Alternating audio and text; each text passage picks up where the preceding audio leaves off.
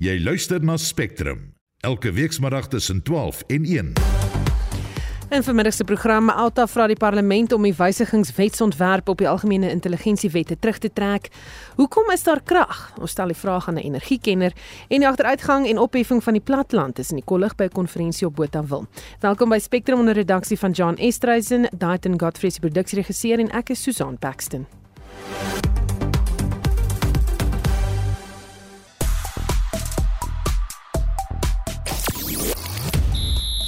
Die Banyana Banyana groep vir die Olimpiese kwalifikasiewedstryde teen Tansanië is bekend gemaak.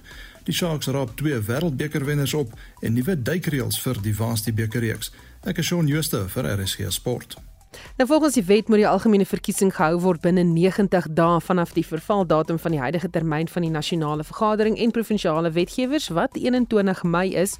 Die datum gaan waarskynlik later die week aangekondig word, maar intussen wil ons by jou weet, watter verkiesingsdatum tussen 21 Mei en 19 Augustus sal jou die beste pas of sal na jou mening die beste vir die land wees? Stuur 'n SMS na 45889 teen R1.50 per boodskap of stuur 'n WhatsApp stemnota want ons hoor graag van jou na 076536 0765366961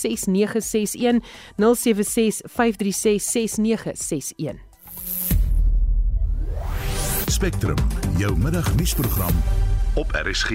En is nou 6 minute oor 12. Die organisasie teen belastingmisbruik Alta is diep bekommerd oor die wysigingswetsontwerp op die algemene intelligensiewette of GILAB. Alta het sy kritiek skriftelik ingedien voordat die sperdatum vir openbare kommentaar verlede week verstryk het. Alta se hoof van voorbaarheid Stefanie Fix sluit nou by ons aan. Goeiemôre Stefanie. Goeiemiddag Susan. So waarom moes daar wysigings aangebring word aan die wetgewing? Maar ek neem aan as mens gaan kyk na die na die wysigings wat hulle wil aanbring is is om sekere definisies uit te brei en om sekere magte van van jou nasionale intelligensiedienste ook uit te brei. En sal die intelligensiewetgewing geld vir die staatsveiligheidsagentskap, die weermag se intelligensieafdeling en die polisie se misdaadintelligensieeenheid of sal sommige wysigings vir sommige afdelings geld? Nee, die wysigings geld daar's spesifieke wetgewings wat praat tot elkeen van hierdie van hierdie eenhede en dit sal geld vir hulle ook. Dit gaan maar oor die wat hulle noem die wetting van sekere inligting van sekere individue en dat hierdie um, spesifieke wysigingswet is nou so wyd dat ons bang is dit sluit in ehm um, byvoorbeeld uh, uh, kerke en organisasies soos soos soos ons ehm um, wat dan nou hulle bevoegdhede om ons te wet so uitbrei en is so wyd en jy weet eintlik nie wat hulle kan en nie kan doen nie wat die gevaar inhou. Hm. Wat sal die impak weet impak wees of implikasies wees vir julle sou hierdie ding deurgaan byvoorbeeld? Maar ons is bang dat hulle misbruik dit. Met ander woorde, ons het nou gesien met met staatskaping dat alhoewel die idee van wetgewing ehm um, weet dalk kan goed wees, is dat die implementering daarvan nie altyd so goed is nie. En omdat ons as gevolg van ons ons ons geskiedenis weet dat intelligensiedienste hulle hulle magte mas, mag misbruik, dat hulle gaan seker maak dat ehm um, byvoorbeeld ehm um, organisasies al al die eh, ehm uh, um, die, die civil activist organisations daar buite, hulle gaan hulle hulle hulle kan hulle magte gebruik om seker te maak dat hierdie eh, tipe van organisasies nie kan werk nie. Hmm. En maak die wysigingswetsontwerp plek vir 'n oorsigkomitee om verantwoordbaarheid van die staatsveiligheidsagentskap te eis. Ja, maar ons het ook nog gesien hoe dit werk in die verlede. Onthou daar is reeds intelligensiewetgewing daar buite en hierdie ehm um, wysigingswet het nou as as ek nou die woord kan gebruik, bietjie van dit getweek om sekere eh, ek wil amper sê instansies in te sluit by hierdie wettingproses wat hulle alreeds het. So dis nie asof hulle weet ons 'n hele nuwe intelligensie eh, wetgewing het nie. Dis net die die bestaande wetgewing wat hulle bietjie uitgebrei het, maar in terme van van verantwoordbaarheid en al daai selfs met die ehm um, die Rika wetgewing wat onder andere hier ook aangespreek word dat dit jy byvoorbeeld nou kan hulle kan jou afloer. Byvoorbeeld is ons is bekommerd dat dat daai verantwoordbaarheid van hierdie eenhede nie so streng is soos wat dit behoort te wees nie. Met ander woorde, wat dit sê is dat hulle kan doen wat hulle wil sonder dat daar oorsig of behoorlike oorsig is. En dink jy daar was genoeg tyd om kommentaar te lewer? Ag, as nooit genoeg tyd om kommentaar te lewer nie. Hulle het nou besluit in die middel van Desember om hierdie wetgewing wat eintlik baie gekompliseerd is as ek dit so kan stel, um oop te maak vir kommentaar. Hulle het dit 'n bietjie verleng. Maar ek dink as jy nou by jouself daaraan dink, hoeveel inligtingstukke het jy nou al gesien om hierdie wetgewing net vir gewone Suid-Afrikaners te verduidelik. So weer eens, dit was maar weer net 'n tick box exercise om te sê ons het gevra vir publieke ehm um, kommentare, maar gaan hulle luister en en gaan hulle dit implementeer. Net een ding noem, byvoorbeeld strukture soos ehm um, die SABC is is is is 'n kritiese soort van 'n struktuur en dat hulle het nou die mag om enige iemand wat daai gebou binnekom ook te wet. Dit beteken dat joernaliste by by implikasie gewet kan word as hulle die SABC wil besoek. Hmm. Nee, dis baie die verrykende implikasies daarvan. Ehm um, as hy deurgedruk word, gaan jy verder die saak verder voer? Ons sal definitief. Ons sal nou eers moet sien tot watter mate hulle nou al hierdie kommentare in ag geneem het en of hulle die wet verander. Ek moet daarom in hulle guns sê dat die die wetgewing voor hierdie, die weergawe voor hierdie weergawe het ook anders gelyk. So ons hoop die, miskien die, die eerste of die tweede keer in in in geskiedenis dat hulle sal luister na wat almal daarby te sê en dit verander want dan dan's enige ingryp nodig nie. Maar as dit is dat hulle hierdie publiseer, sal mens dalk met ander organisasies moet praat om hierdie ding op 'n ander manier te beveg. Baie dankie, dit was die hoof van verantwoordbaarheid by Alta Stefanie Fik. Dis tyd dat die platteland opgehef moet word. Dis die tema van 'n konferensie wat môre by Nampo Park in Botawil begin. Dis nou aan die Vrystaat. Verskeie rolspelers gaan die week koppe bymekaar sit om die verval en agteruitgang van die platteland te bespreek en moontlike oplossings op die tafel te plaas daarvoor. Ons praat nou met Chris Burgess, hoofredakteur van die Landbou Weekblad hier oor. Goeiemôre Chris. Uh, goeiemiddag en goeiemiddag aan julle luisteraars. Julle is aan stuur van sake van hierdie konferensie. Hoekom is dit so belangrik om te fokus op die platteland? Ja, weet jy, ehm um, dit is maar ons bedieningsgebied, né? Ek verlang dit werk dat dit 'n bietjie meer as 100 jaar besig om die boere en die uh, platteland plattelandse gemeenskappe te bedien en ja, ons sien dit maar eerste hand die verval in die in die platteland en ehm um, ons het maar gewonder, jy weet, wat kan 'n mens doen? Ehm um, en die besluit ons maar, jy weet, ons doen maar wat wat ons al vir 100 jaar doen en dit is ehm um, kom ons kry die mense bymekaar wat eintlik 'n verskil maak en wat eintlik oplossings vind vir die probleme in die platteland en kom ons kry hulle om om hulle om hulle stories te vertel en kom ons kry hulle om met mekaar te praat en en en en kom ons kyk of ons 'n bietjie positiewe energie kan losmaak. Ehm um, want jy weet dit is nie alles net uh ehm um, uh mismoedigheid nie. Jy weet uh, mense kom op, mense is besig om met baie um, innoverende probleme op te kom vir die probleme in die platteland en dis maar eintlik probleme vir die vir die land. So die probleme wat opgelos word is maar landsprobleme en jy weet dit gee gee mense 'n bietjie hoop dat jy weet miskien kan ons kom op die punt waar waar ons probleme oplos en 'n en 'n ehm ehm jy weet in 'n in 'n land kan bou wat jy weet wat ons altyd gehoop het dit dit kon wees. Jy weet mm. ene wat ervarend is en wat om wat wat omgee gemeenskappe het. Mm. Wat se tipe probleme kyk mense wat betref die platteland spesifiek? Ja, nee, ek wil die konferensie uh ehm um, hanteer die hele spektrum. So dit begin by by uh uh kriminaliteit op die platteland. Ehm um, ons kyk na infrastruktuur, paaie, uh waterwerke, uh so uh, energie, krag. Ehm um, jy weet dan kyk ons na skole ehm um, jy weet wat ons gedoen om om uh om mense op die platteland te hou om skole in die platteland te kry wat mense opvoed sodat mense ehm um, werk kan vind daar.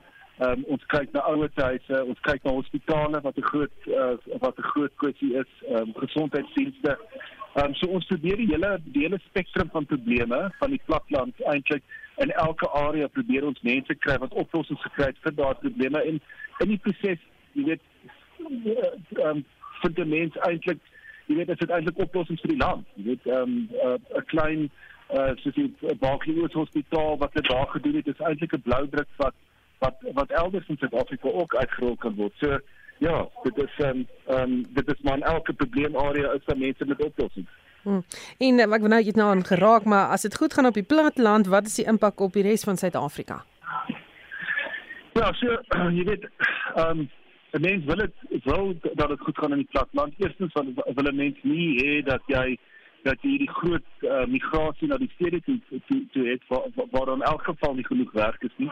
Ek wil ons dit byvoorbeeld in die Weskaap sien ons dit met die mense wat in Ooskaap van die Oos van die Ooskaap aftrek uh, Weskaap toe en ons het eintlik mense, ons het mense soos soos mevrou Gloria se se Robbie van van Hoopal wat vir ons gaan kom vertel wat ongelooflike welvaart hulle besig is om te skep met landbou in die in die kommunale areas, die voormalige uh, tuislande van die Transkei om mense daar te probeer hou dat hulle jy weet ek wil niemand wil wegtrek van hulle van hulle huise en hulle families en ergens in 'n in 'n in 'n 'n krop hier kan bly in Kaapstad om 'n om om 'n om 'n hongerloon te gaan verdien nie.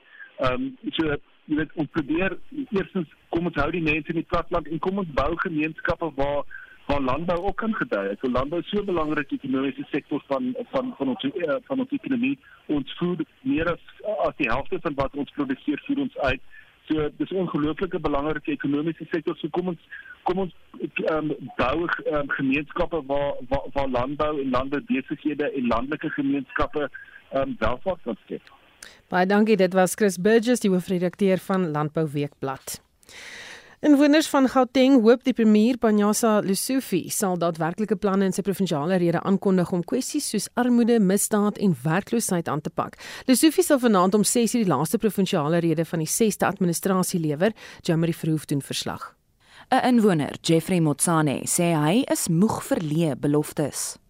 As a South African, a Gauteng resident, we want to know how is he going to tackle and bring the confidence to the residents because this is an election year. We don't want him to campaign for the party, but to tell us, the resident of Gauteng, how is he going to assist us for us to be free, safe of all this ill. Nog 'n inwoner, Akil Jainath, sê die premier moet 'n voldoende plan bekendstel om dienslewering te verbeter. I really hope that the Premier has some good plans in place to tackle the issues facing Gauteng as we are experiencing quite a number of issues, much like other parts of the country. Uh, personally, I must say I'm really, really tired of all the outages, the break ins, and the crime escalations. The country is falling apart, and we are getting stopped by police every other second day for cars that are being lowered, cars that have tint or Laminex, yet they want our cars to be roadworthy, but the roads themselves aren't roadworthy. I mean, there are so much of potholes, our cars are getting damaged, tires are getting bust on a daily basis, and nothing's been done about it. Money is just being laundered all around. 'n Gemeenskapsleier van Diepsloot in die noorde van Johannesburg, Sitelo Chesi, sê die provinsiale regering moet meer doen om misdaad te bekamp. SOPA should also come up with new strategies for combating crime. As level of crime is at a high degree in our communities, in particular in Deep Slot. The other thing that uh, we think should be on the top of the agenda is that hospital should be built for the northern Johannesburg resident, I mean Deep Slot and surrounding communities. The other thing is to ensure that more schools and sports precincts are built for young people of Deep Slot. Dit was Sitelo Chesi, 'n gemeenskapsleier van Diepsloot. Die verslag is saamgestel deur Sasha Naidu in Johannesburg. Ek is Jean Marie Verhoef vir SAK nuus. Ons bly by die storie. Die meeste oppositiepartye sê hulle verwag net nog leë beloftes tydens die Gautengse premier Panyaza Lesufi se provinsiale rede. En ons praat nou met professor Pieter Dievenage, 'n politieke ontleder van Akademia. Goeiemiddag Pieter. Goeiemôre Susan. Se politieke partye is nie positief oor die boodskap nie. Wat verwag jy van die toespraak so kort voor die verkiesing? Ja, die insetsels was ook vir my baie interessant wat julle daar gespeel het, uh, Susan. Ek verwag beloftes, belos uh, beloftes van meneer Lesofie, baie retoriek, maar min substansie of enige tekens dat daar handeling sal wees. Ehm um, meneer Lesofie het uit die aard van die saak as premier van Gauteng baie om oor verantwoordelikheid uh te doen, jy weet, om verantwoording te doen um, en om verantwoordelik te wees. Ons kan maar net dink aan die bestuur van Gauteng, die korrupsie, misdaad, uh die onvermoë om infrastruktuur te bou en ook die onvermoë om beleggings te trek na hierdie belangrike provinsie van Suid-Afrika. En uh so ek wil voorspel dat hierdie rede van meneer Lesofie later vandag uh dit gaan uh, wat ons hier gaan sien is uh, dit gaan bloot maar 'n um, berg wees wat 'n mol so baar en wie lê onder die inwoners van Gauteng en breër Suid-Afrika en ek kan net sien dat die enigste oplossing vir 'n provinsie in totale verval soos Gauteng is maar die stembus en ons sal moet sien wat in uh, later vanjaar by die stembus gaan gebeur rondom die provinsiale verkiesing in Gauteng. Hmm. Is daar goed wat jy graag sou wil hoor hy oor moet praat veral met 'n uh, verwysing na beloftes wat voorheen gemaak is? Ja, natuurlik, daar's mense dit ook in die uit die die versigtiging het uit die insetsels gekom van die inwoners van Gauteng wat hulle gespeel het. Uh natuurlik wil mense graag goeie bestuur sien net in Gauteng. 'n uh, 'n pro, provinsie wat nie korrupsie het uh of die geweldige vlakke van korrupsie nie en ek het al voorheen daaroor uh, daaroor gepraat. Die korrupsie by die ANC is nie net 'n verskynsel nie. Dis endemies en dit is in die DNS van die ANC. Dan sal mens baie graag werkverskaffing wil sien. Mens sal wil infrastruktuur verbetering sien in Gauteng. Uh, Natuurlik misdaad wat moet aangespreek word en dat daar 'n klimaat vir belegging in hierdie belangrike provinsie van Suid-Afrika sal geskep word. Dis die dinge wat 'n mens graag sou wou sien gebeur, jy weet Susan. Hmm. Nou, wat is die kanse dat dit die laaste keer is wat die ANC as alleen regerende party die toespraak gaan lewer? Dis 'n baie interessante vraag want alles hang af wat ehm um, by die verkiesing gaan gebeur wat hier lyk my rondom Mei Junie in Suid-Afrika gehou sal word. Mense moet onthou die kiesers in Gauteng kan beide nasionaal stem en provinsiaal. Nou die vorige keer het die ANC nog bo 53% gekry uh in Gauteng dis 2019 en daarom regeer uh die ANC op die oomblik Gauteng as 'n meerderheidsparty sonder 'n koalisie. Maar alles dui daarop. Um dat uh die meningspeilings dui ook daarop dat die ANC se steun in Gauteng gaan dramaties val. Uh baie meningspeilings meen sover as 37% of 40% van die totale stemme in die provinsie gemeet aan die 53 die vorige keer. So Die kans is goed dat dit meneer Lesofie se laaste toespraak is as 'n ANC lid, maar die dilemma in Gauteng is dat die EFF het uh, self die meningspeilings wys op 17% en die DA so op 22%. So dit gee vir mense 'n idee dat ehm um, die dit lyk of die ANC steeds in 'n koalisie van een van 'n aard na uh, hierdie verkiesing nog in regering sal bly. Ehm um, en dit kan dalk beteken dat dit nie meneer Lesofie se laaste rede is nie. Ehm um, maar daarvoor sal die kiesers van Gauteng uh, uiteindelik moet beslis en 'n mens kan maar net Mens kan maar net jou hart vashou as die ANC nog verder 'n groot aandeel in die regering van die ANC eh, van die van die provinsie in die toekoms het, want ons het 'n rekord wat vir ons wys oor 30 jaar wat het gebeur uh met Gauteng provinsie onder uh ANC regering tot nou toe. Hmm. En ons het dan vir die luisteraars gevra watter datum dink hulle sal die beste wees vir hierdie verkiesing? Wat dink jy watter datum sal werk? Ek ek dink nog steeds ons sal moet wag wat die president sê, maar ek dink hier rondom Mei, Junie. Kyk, dit kan nie later wees dink ek as Augustus of September nie, want dan word dit 'n konstitusionele krisis. En ons is daarom gelukkig nie meer in daai COVID eh, tydperk. Ek dink jy sal onthou die plaaslike verkiesings van 2021 is so tot op die rand uitgeskuif, nê. Ek dink nie ons gaan dit hier hê nie. Ek verwag tog wel 'n verkiesing hier rondom Mei, Junie, dalk Julie op die laaste. Baie dankie en dit was professor Pieter Dievenage, politieke ontleder van Akademia. Die Suid-Afrikaanse Lugdiens het die afgelope naweek sy 90ste bestaanjaar gevier. Die lugdiens is in Desember 2019 in sakeredding geplaas en die proses is teen April 2021 afgehandel. Die Departement van Openbare Ondernemings sê die verkoop van die beheerende aandeel in SAL aan Takatsu Aviation moet nog gefinaliseer word, maar Lies Skeepers berig. Die Suid-Afrikaanse Lugdiens is die afgelope dekade gekenmerk deur swak finansiële bestuur en korrupsie. Die minister van Openbare Ondernemings, Pravin Gordhan, sê die SAL kon likwidasie egter vermy het. We moved away from liquidation and before you fall asleep let me cite a round up and went for business rescue with all its troubles and that was at the height of the COVID pandemic so you couldn't meet physically Lots of uh, arguments and fights with lawyers and advisors took place on Zoom and sometimes at midnight, but we ultimately prevailed as far as that was concerned. We prevented the fire sale of the assets of SAA, and today those assets are going to be an important part of the creative transactions that we want to enter into. Gordon is vol vertroue die lugdiens gaan nie nog 'n reddingsboei van die regering benodig nie. To the, my colleague in the treasury is we're not going to ask you for more money. We will generate our own money, which means how you spend money within SAA has to be done very carefully. And if there are still leakages, as there might well be, since we live in a society where people are just looking for opportunities without working hard and making a couple of million for themselves, then ensure that those leaks are catered for in one way or, or another. Die transaksie tussen Takatso Aviation en die Departement van Openbare Ondernemings is nog nie gefinaliseer nie weens uitstaande kwessies. Die departement sê onder meer daar moet nodige regulatoriese prosesse deur die mededingingstribunaal goedgekeur word. Die verslag is saamgestel deur Notando Magudulela en ek is Marlie Skeepers vir SAK nuus.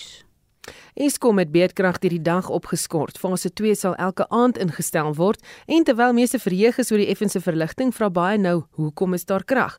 Ons praat nou met professor Willie Kronee van die Skool vir Elektriese en Inligtingingenieurswese aan die Universiteit van die Witwatersrand. Goeiemôre Willie. Goeiedag Marlies, hoe gaan dit? Uh, dit gaan goed, maar sê vir my, hoekom is daar nou krag van fase 6 na niks?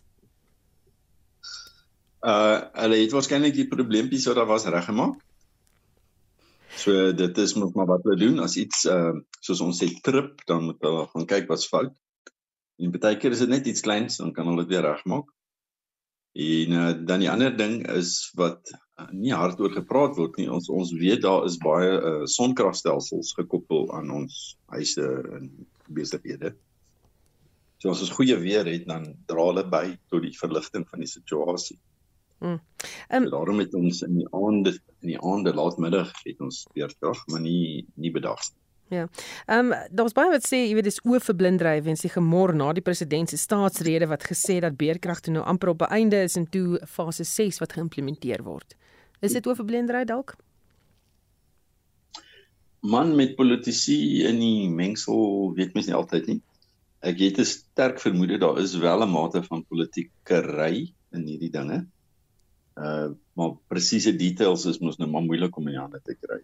Hm. Uh in 2008 was dit definitief tegniese noodsaaklikheid wat gemaak het dat ons die eerste keer beerdkrag gekry het. Maar deesdae is daar allerlei redes. Die ouens kan diesel brand om 'n bietjie verligting te gee, maar dit is baie duur en dan raak jou diesel baie vinnig opgebruik. So dit is waar die SONA, die State of Nation adres, wat mens wonder of daar nie maar baie diesel gebrand is om die geleentheid te laat deur kan gaan nie. En daarna is daar toe nou 'n bietjie van 'n tekort. So dis 'n soort van vraag wat ons nie ehm um, direkte reguit antwoorde op kan kry nie, maar mens kan spekuleer. En nou die algemeen wat is die stand van die netwerk? Kon jy agterkom dat daar enige verbetering is? Kyk, ehm um, vir die politici is natuurlik baie belangrik dat die die beeld goed is. So hulle wil nie hê dan moet load shedding wees nie, weerkrag nie, want dit eh uh, takel hulle beeld af. So hulle probeer hulle bes, maar die tegnologie laat jou ook net soveel toe. So ek dink dit is 'n mm, baie fyn balans tussen wat die politici wil hê, dit moet lyk like, en wat die tegnologie jou toelaat want ons sit maar met 'n ou stelsel wat baie uh, vertroeteling nodig het. Dis baie mooi gestel vertroeteling nodig het. Baie dankie. En dit was professor Willie Kronee van eh, die skool vir elektriese en inligtingingenieurswese aan die Universiteit van die Witwatersrand. Jy luister na Spectrum. Elke week saterdag tussen 12 en 1. In die volgende halfuur die nuwe party Change Starts Now stel sy verkiesingsmanifest bekend en die DA kondig sy volgende stap aan om die ANC te dwing om sy kaderontplooiingsrekords te oorhandig.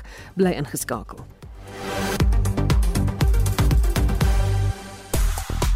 Nou ons vra vir jou watter van die stemdatums gaan vir jou pas en 'n luisteraar wat sê kom ons stem so laat as moontlik dan mag dalk nog 'n paar wurmblikkies oopgemaak word wat kiesers se siening kan verander.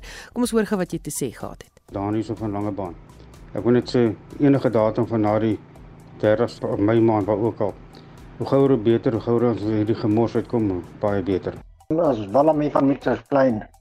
Ek wil graag wil hê dat hulle die verkiesing daarom so gou as moontlik aankondig. Sodat die verkiesing kan aanbreek dat die land kan weet waar hy staan. Dis William Alipati van Ekurhuleni af in Denori Gym is dit. Nee, ek sal sê verkies liewerste die 19 Augustus. Laat ons gaan almal gaan stem die 19 Augustus. Of as hulle dit maak die 21ste, hulle maak die 21ste Mei. Maar ek sal verkies dat dit liewerste die 19 Augustus maak. Nou, dis wat jy gesê het oor die stemdatum. Jy kan steeds jou mening vir ons stuur intussen uh, beweeg ons na die sportveld. En hier Shaun Jooste, goeiemôre Shaun. Goeiemôre Susan. Nou Desiree Ellis sê die Banyana Banyana groep vir twee belangrike wedstryde vanoggend bekend gemaak. Ja, ons het 'n groep van 23 spelers vir die Olimpiese kwalifikasiewedstryde teen Tansanië bekend gemaak. Van die spelers in die groep sluit in Andile Dlamini, Thembi Khatlama, Hilda Magaya, Katlego Moletsane, Hilda Magaya en uh, Linda Maklalo en ook Kylen Swart. Nou die eerste kragmeting is weg op die 23ste Februarie en dan 4 dae later is hulle terug in Suid-Afrika met die kragmeting wat by die Mbombela Stadion gespeel word. En dit lyk my dit gaan finansiëel baie goed met die Sharks. Ja, volgens gerugte die Sharks daarin geslaag om nog twee wêreldbeker wenners na Durban te lok. Nou hulle is die voormalige bolspeler Trevor Neakani wat natuurlik los en vaskopstit kan speel en dan ook Andre Esterhuizen wat al voorheen vir die Sharks gespeel het. Nou Esterhuizen het nog 'n jaar op sy kontrak met die Harlequins, so die Sharks moet 'n oordragsvoetjie betaal en dit lyk my so in die omgewing van 11 miljoen rand en beide spelers sal na die huidige seisoen by Indurban aansluit. Hm, 'n Voetjie sê jy van 11 miljoen rand. Jo. Goed, die 2024 was die bekerreeks kop vanaand af met nuwe duikslagreëls wat 'n oefenloopie kry. Ja, die nuwe reëls word op skool en klub rugby vlak getoets. Nou die doel is om die spel natuurlik veiliger te maak vir die spelers. Onder die nuwe reëls mag 'n duikslag nie hoër as die borsbeen plaasvind nie en die baldraer se kop en skouers moet ook hoër as sy heupe wees wanneer daar vorentoe beweeg word. Die aksie skop vanmiddag so kwart voor 5 by die Universiteit van die Vrystaat af wanneer die Shimlas teen die UCT Aitjies op die veld uitdraf. Sewe kom die CUT Aitjies teen UJ die Universiteit van die Wes-Kaap teen Wits en Maties teen die huidige kampioen Noordwes Arende te staan. En gewillig maar te oud om te boks is die internasionale Olimpiese komitee se antwoord. Ja, die 45-jarige Filippynse bokser Manny Pacquiao het 'n spesiale versoek ingedien om aan die Olimpiese spele in Parys later die jaar deel te neem, maar sy versoek is deur die IOK afgekeur en volgens Olimpiese reëls word boksers ouer as 40 jaar nie toegelaat om aan die spele deel te neem nie. Pacquiao het 12 wêreldtitels in 8 verskillende gewigsklasse oor sy 26 jaar loopbaan verower en word as een van die bestes ooit beskou. Baie dankie, dit was Shaun Jooste van RSG Sport. Jy luister na Spectrum. Elke week saterdag tussen 12 en 1. En dis in 1234 die leier van die Change Starts Now party Roger Jardine het die nuwe party se verkiesingsmanifest in Kliptown in Soweto bekend gestel. Jardine is 'n sakeman en voormalige voorsitter van FirstRand. Die SAIK se politieke verslaggewer is Sibahle Motta woon die bekendstelling by. Good afternoon Sibahle. Thank you so much for having me. So what is the party's vision? So part of the party's big vision is just reducing unemployment by at least 37%. I mean, we all know that South Africa is one of the countries, if not the country with the highest uh, unemployment rate um, especially with uh, um, the youth unemployment. So Trendstars now has promised that uh, it will reduce unemployment by 37%, but we, um, we, we, we're not sure in which duration. Is it going to be one year, two years, or even five years? And basically what the party says is that it will focus um, on, on, on, on, on key interventions that improve the energy sector, water and logistics in investing and uh, trying to uh, reduce this uh, unemployment rate. But also it emphasized the fact that it will also fight crime. I mean, with the stats that were released by Minister uh, Beyikwele, uh, indicating that uh, over 7,000 people have been murdered in, in, in the second quarter. So um, I think one of the key things is this making South Africa a more safer state for all South Africans and also reducing uh, hunger for those, especially in the rural areas. Um, as we know that there are people here in South Africa who go to bed hungry on a daily basis. And um, Change Start now basically wants to focus on the bread and butter issues that affect all South Africans. Hmm. Did Jardine elaborate on how the party will tackle load shedding? I mean, uh, he hasn't uh, yet, but on his last press briefing, he, he made sure that he emphasized the, the fact that uh, a private and public partnership is one that would uh, look at ending load shedding. And he even gave a time span saying that while other parties have promised to end load shedding in six months, some in two years, but TSOT now and its I can assure South Africans that load shedding will probably end between three to four years. And he was saying that this could be done by increasing rooftop solar, preventing breakdowns at power stations, and just focusing on tra- on trans- transmission infrastructure, which will obviously cost the country billions, but I mean, it would uh, pay off uh, in, in a few years, you know, because as, as, as the Minister of Electricity um, had said that I think in 2023, uh, load shedding had cost uh, the country over 1 trillion. So, I mean, these are the things uh, that he has um, highlighted and saying that, I mean, they will try by all means, as Chin now, to ensure that load shedding in a few years will be a thing of the past. With Jardine being a well known businessman, it would be a given that he would focus on the economy. Was there ever any mentioning of basic services or the lack thereof, and especially in especially rural areas? of course, I think the one thing that the, the, the, the party or the movement really stands for is reducing hunger, especially in the rural areas, you know, uh, as he emphasized the fact that um, people are going to get hungry and he wants to put an end to that. And this uh, also speaks back to reducing unemployment, this ensuring that South Africans uh, do have jobs and reducing this unemployment by creating at least 5 million jobs. So, I mean, if, if, if that could uh, happen, then I would think uh, this would definitely trickle down into the rural areas and that's also just ending the hunger there. Baie dankie, dit was die SAK se politieke verslaggewer, Sibahle Mota. Die DA is oorgehaal om die ANC se rekords van kaderontplooiing te ontvang. Die ANC moet die rekords teen 5uur vanmiddag oorhandig, anders sal hy 'n konstitusionele hofbevel verontagsaam. Die DA-LP en skare minister van staatsdiens en administrasie Leon Schreiber sluit nou by ons aan. Goeiemôre Leon. Goeiemiddag Susan, middag aan die luisteraars. So seker is julle dat die kaderontplooiingskomitee sê dit 2013 ooit rekord gehou het van sy aanstellings of selfs notules van vergaderings geneem het. Wel, ons het reeds in die verlede gesien dat die ANC probeer voorgee dat daar nie notules is toevallig van die tydperk toe president Ramaphosa die voorsitter was van die kaderontplooiingskomitee nie. Maar dis redelik ongemaklik vir die ANC as ons kyk na die die beperkte aantal notules wat wel oorhandig is aan die Zondo-kommissie want daar sal jy sien dat die eerste agendapunt op die eerste notule is die aanvaarding van die vorige vergadering se notules. So ons weet daar is meer rekords, maar ook belangrik, ons het nie net gevra vir notules nie. Ons het gevra vir e-posse, vir WhatsApp gesprekke, vir CV's wat oorweeg is en vir enige ander relevante dokumentasie van die kaderontplooiingskomitee en dit is hierdie bevel wat die ANC nou moet uitvoer in terme van die grondwet hof se bevel. Hmm. Die DA het vanoggend nou 'n nuuskonferensie gehou oor die kaderontplooiingskwessie en julle stappe vorentoe, so wat is die plan? Wel, ons gaan nou uh, natuurlik moet noukeurig kyk na wat ons ontvang. Uh, in die eerste plek sal ons kyk vir enige spesifieke aanstellings, onwettige optrede of enige iets soortgelyk uh waarteen ons verdere stappe kan doen. Dit is belangrik om klem te lê op dat meeste van die rekords waarvoor ons gevra het, gaan kom uit die tydperk toe die huidige president Cyril Ramaphosa die voorsitter was van die kaderontplooiingskomitee en daardeur gaan ons vir die eerste keer 'n uh, 'n uh, 'n duidelike indruk kry oor wat Ramaphosa geweet het en wat sy betrokkeheid was by die aanstelling van mense wat die staat gekaap het.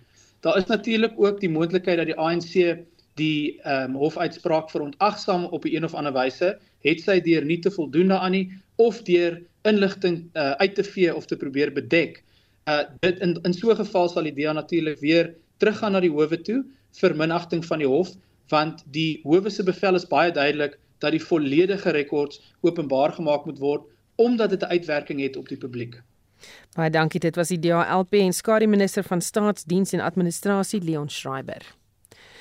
Die minister van Finansies, Enoch Godongwana, sal Woensdag sy begrotingsrede lewer en vir sy verwagtinge praat ons nou met die ekonom Richard Downing. Goeiemôre Richard. Goeiemôre Susan. So wat is jou verwagtinge van hierdie begrotingsrede? Kyk, hier is 'n klomp verwagtinge wat eintlik hierso inspel op hierdie begroting. Dis politiek, dis ekonome wat nou ook 'n opinie het. Dan is daar populisme en daar's die idee van 'n welsynstaat en 'n ontwikkelingsstaat en 'n mens gooi al daai goed in een pot. So om te sê wat 'n mens verwag as 'n ekonom, verwag 'n mens natuurlik hierdie begroting sal veral die ekonomie stimuleer Dit sal vir al jou basiese dienste voorsien wat die waarvoor die openbare sektor daar is en dit is wat 'n mens eintlik sou verwag uit 'n ekonomiese oogpunt. Jy sal nie geld leen om salarisse te betaal nie. Jy sal sorg dat jou basiese funksies goed ver, vervul word. En ek dink dit is die grootste uitdagings wat die wat die wat die minister meer gaan sit. Sy een groot probleem is hy hy het nie die uh, hy het nie die vermoëns finansiëel en die ekonomie het dit ook nie om eintlik aan al hierdie verwagtinge te voldoen nie, veral nie jou populistiese en welsynstaat gedagtes nie. Ons praat hier van toelaas wat net besig is om weg te hardloop. Uh ons praat van jy weet hierdie uh, gesondheidsversekering wat daar in die oopte is. Ons hoop maar net nie president kry sy pen nie. Ek meen dit is uh, een ding waarvoor ons kan wens. Maar al daai tipe van vraagstukke, jy weet, hang in die lug en ek dink dit is 'n uiters moeilike soort van probleem wat hy mee sit om eintlik eh, te kom en 'n begroting daar te stel wat eintlik ekonomies sinvol is en sin maak en eintlik bydra tot ekonomiese groei en die tipe van ding.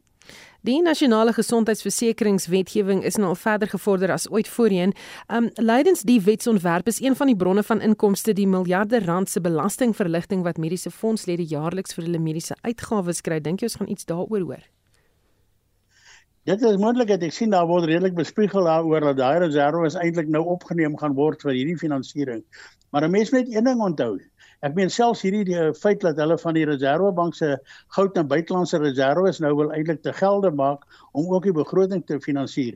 'n Mens kan dit eenmalig doen. Dan is daai speletjie verby.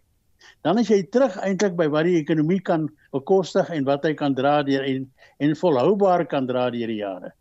En dit is waar jou groot probleem kom. En die ander probleem natuurlik waaroor ek nou nie baie kennis het nie, maar is eintlik jou vlak van dienslewering wat op wat tans gelewer word deur jou deur jou openbare sektor se gesondheidsdienste. Dit is nie op die standaard wat ons verwag nie. Nou trek jy eintlik al jou gesondheidsdienste na daai kant toe en dit is waar eintlik uit die gesondheidsoogpunt 'n groot vraagstuk ontstaan. Soos jy maar by alle funksies van die owerheid kry daar, jou openbare sektor, elektrisiteit, so spoorvervoer, jou hawens, 'n klomp van hierdie funksies word nie ordentlik vervul nie.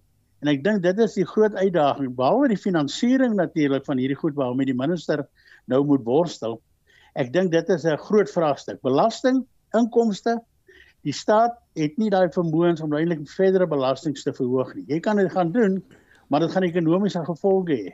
En dit moet ons baie goed verstaan. Daar is nie 'n maklike weg uit hierdie probleem nie. Die groot uitdaging is eintlik om aan die bestedingskant veral te besnoeiings te doen om jou begroting te maak pas by wat die ekonomie kan dra.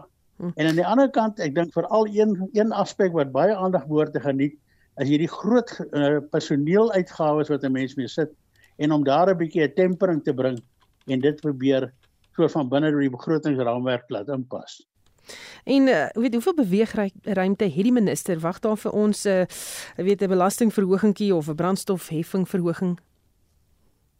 Wel ek lyk my die bespiegelinge is daar soos ek sê, jy weet ek meen om hierdie welsynstaat gedagte toelaas vir almal wat nou nie wat eintlik in die moeilikheid is. Die ideaal is natuurlik om vir daai mense te kan werk gee dat hulle 'n trots ontwikkel om self uh, eintlik vir hulle self te kan sorg.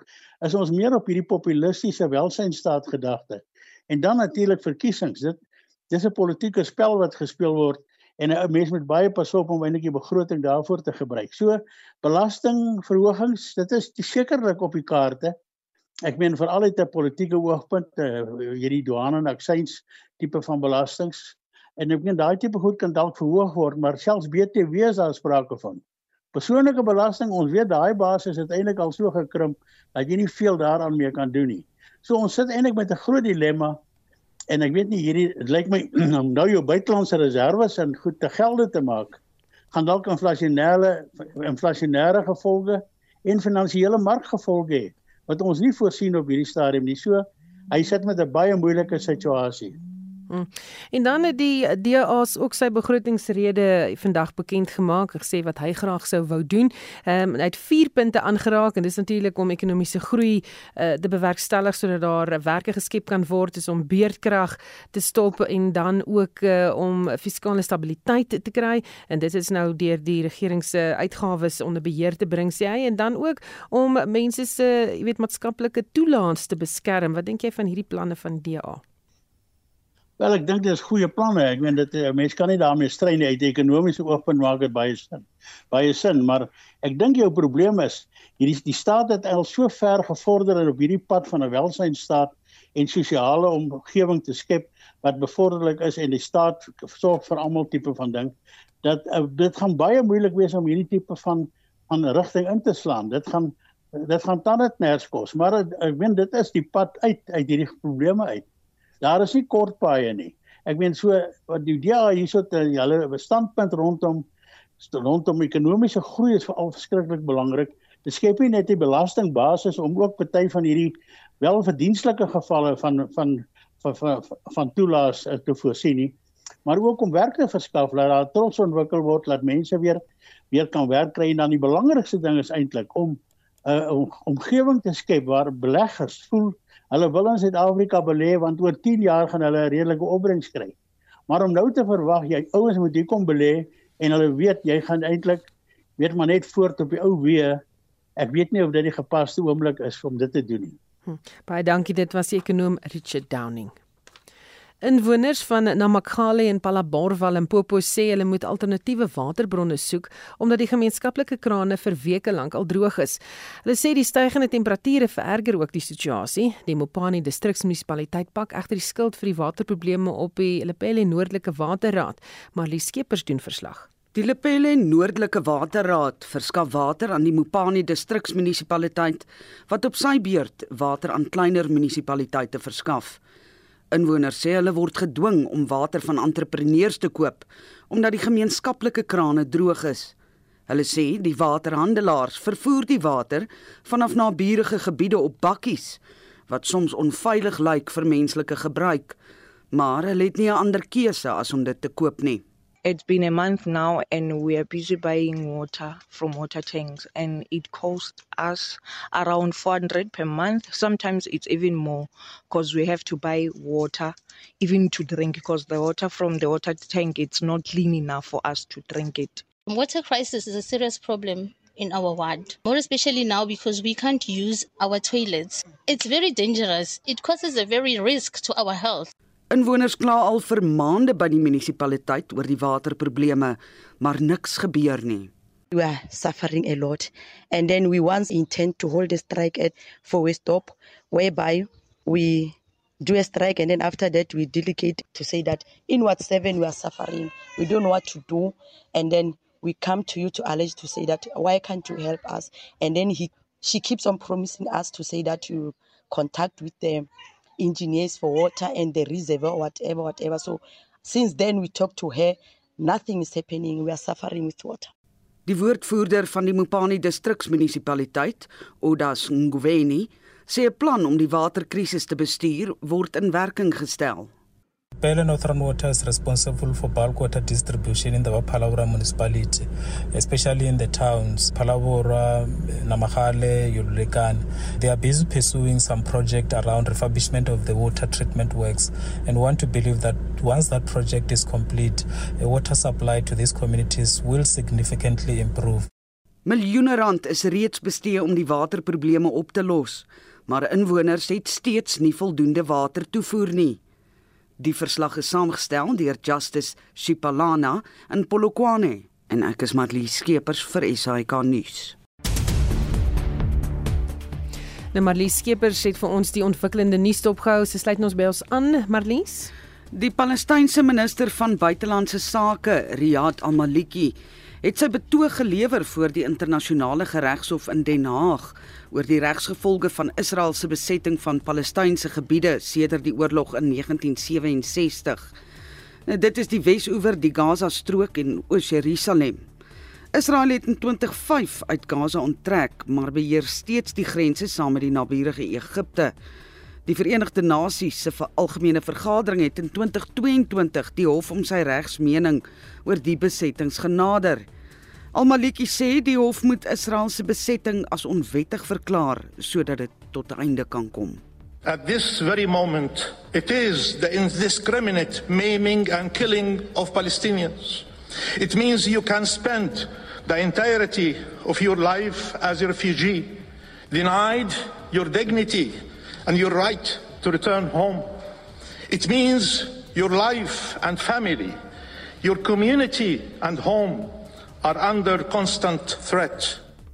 En dit is die tweede keer dat die VN se algemene vergadering die Wêreldhof vir 'n regsopinie vra.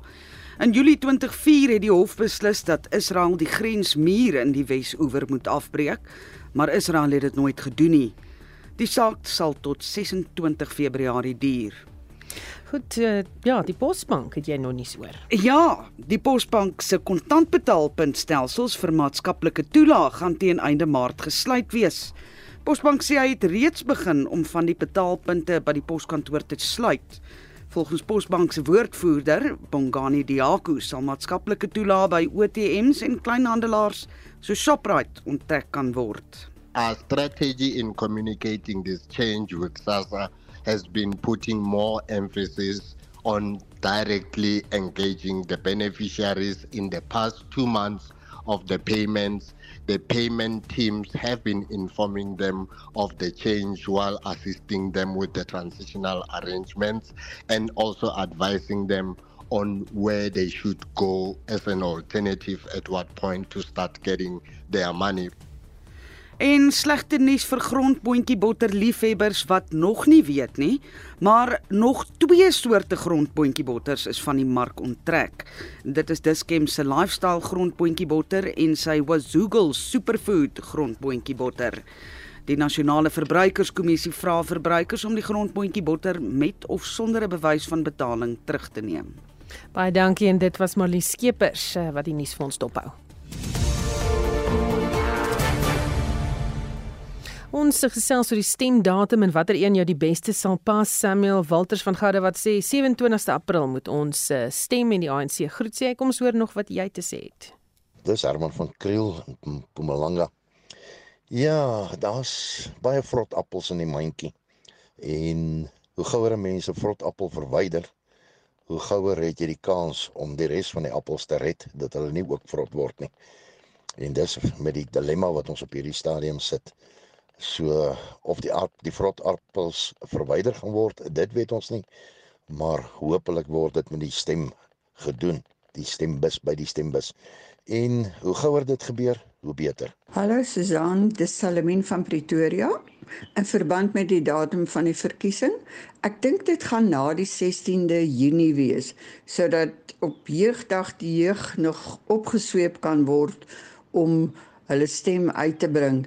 Ek dink dit is daai eerste of tweede week in Julie. Dat die wat hier brooding Dion Owen kan dan nie van die polisie dop ja. Kyk ek dink julle moet hy stemdag stemdag op die 1 April maak op my troudag. Daai is 'n baie geseënde dag as jy die Bybel gaan lees daarso. Die opstanding van die meester. Ek dink dit is 'n baie goeie goeie stemdag weer vrede en 'n eerlike stemdag. En daarmee groet die Spectrum span ons het namens ons uitvoerende regisseur Nicoline Lou, die redakteur John Estreisen en die produksieregisseur Daitrin Godfrey. Ek is Susan Paxton. Bly geskakel vir 360 net hierna.